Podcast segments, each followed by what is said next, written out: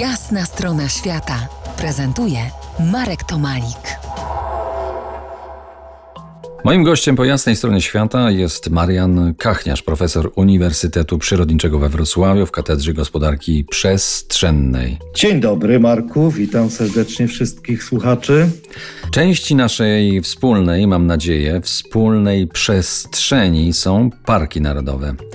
Porozmawiamy dziś właśnie o nich, bo tam powinny wieść nasze ścieżki nie tylko jesiennych spacerów. Marianie, mamy w Polsce 23 parki narodowe. Jak uważasz, to jest dużo czy mało? To chyba nie o liczbę tutaj chodzi, a o ogólną powierzchnię, które te parki zajmują. Jeżeli założymy, że to są nasze takie srebra czy czy wręcz złota rodowe, no to 1% powierzchni to chyba nie jest zbyt dużo. Podczas gdy są takie kraje w Europie, które mają około 10% objętej właśnie tą formą ochrony.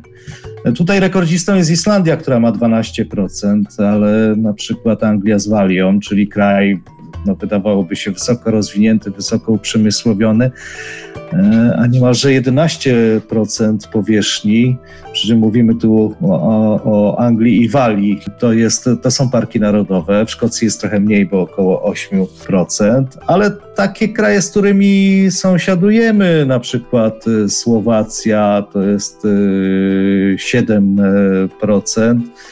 E, czy Czechy, które mają prawie dwukrotnie większą powierzchnię parków narodowych. Czyli reasumując, możemy powiedzieć, że jesteśmy w ogonie Europy, bo nawet wśród krajów dużych, kontynentalnych, taka ja, takich jak y, Francja czy Niemcy, mm, no znacząco odstajemy. Francja ma prawie dwa i półkrotnie większą powierzchnię mm, parków narodowych w stosunku do powierzchni kraju, a Niemcy prawie trzykrotnie.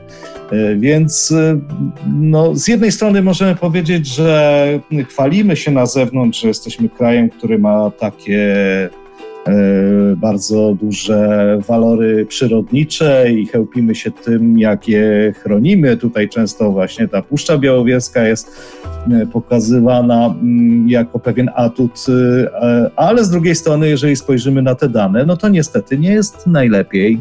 Nawet jeżeli spojrzymy dalej, nie jest najlepiej w Australii. E, no, sorry, musiałem to powiedzieć. Jest ponad 500 parków narodowych w odniesieniu do obszaru, to prawie jak w Polsce.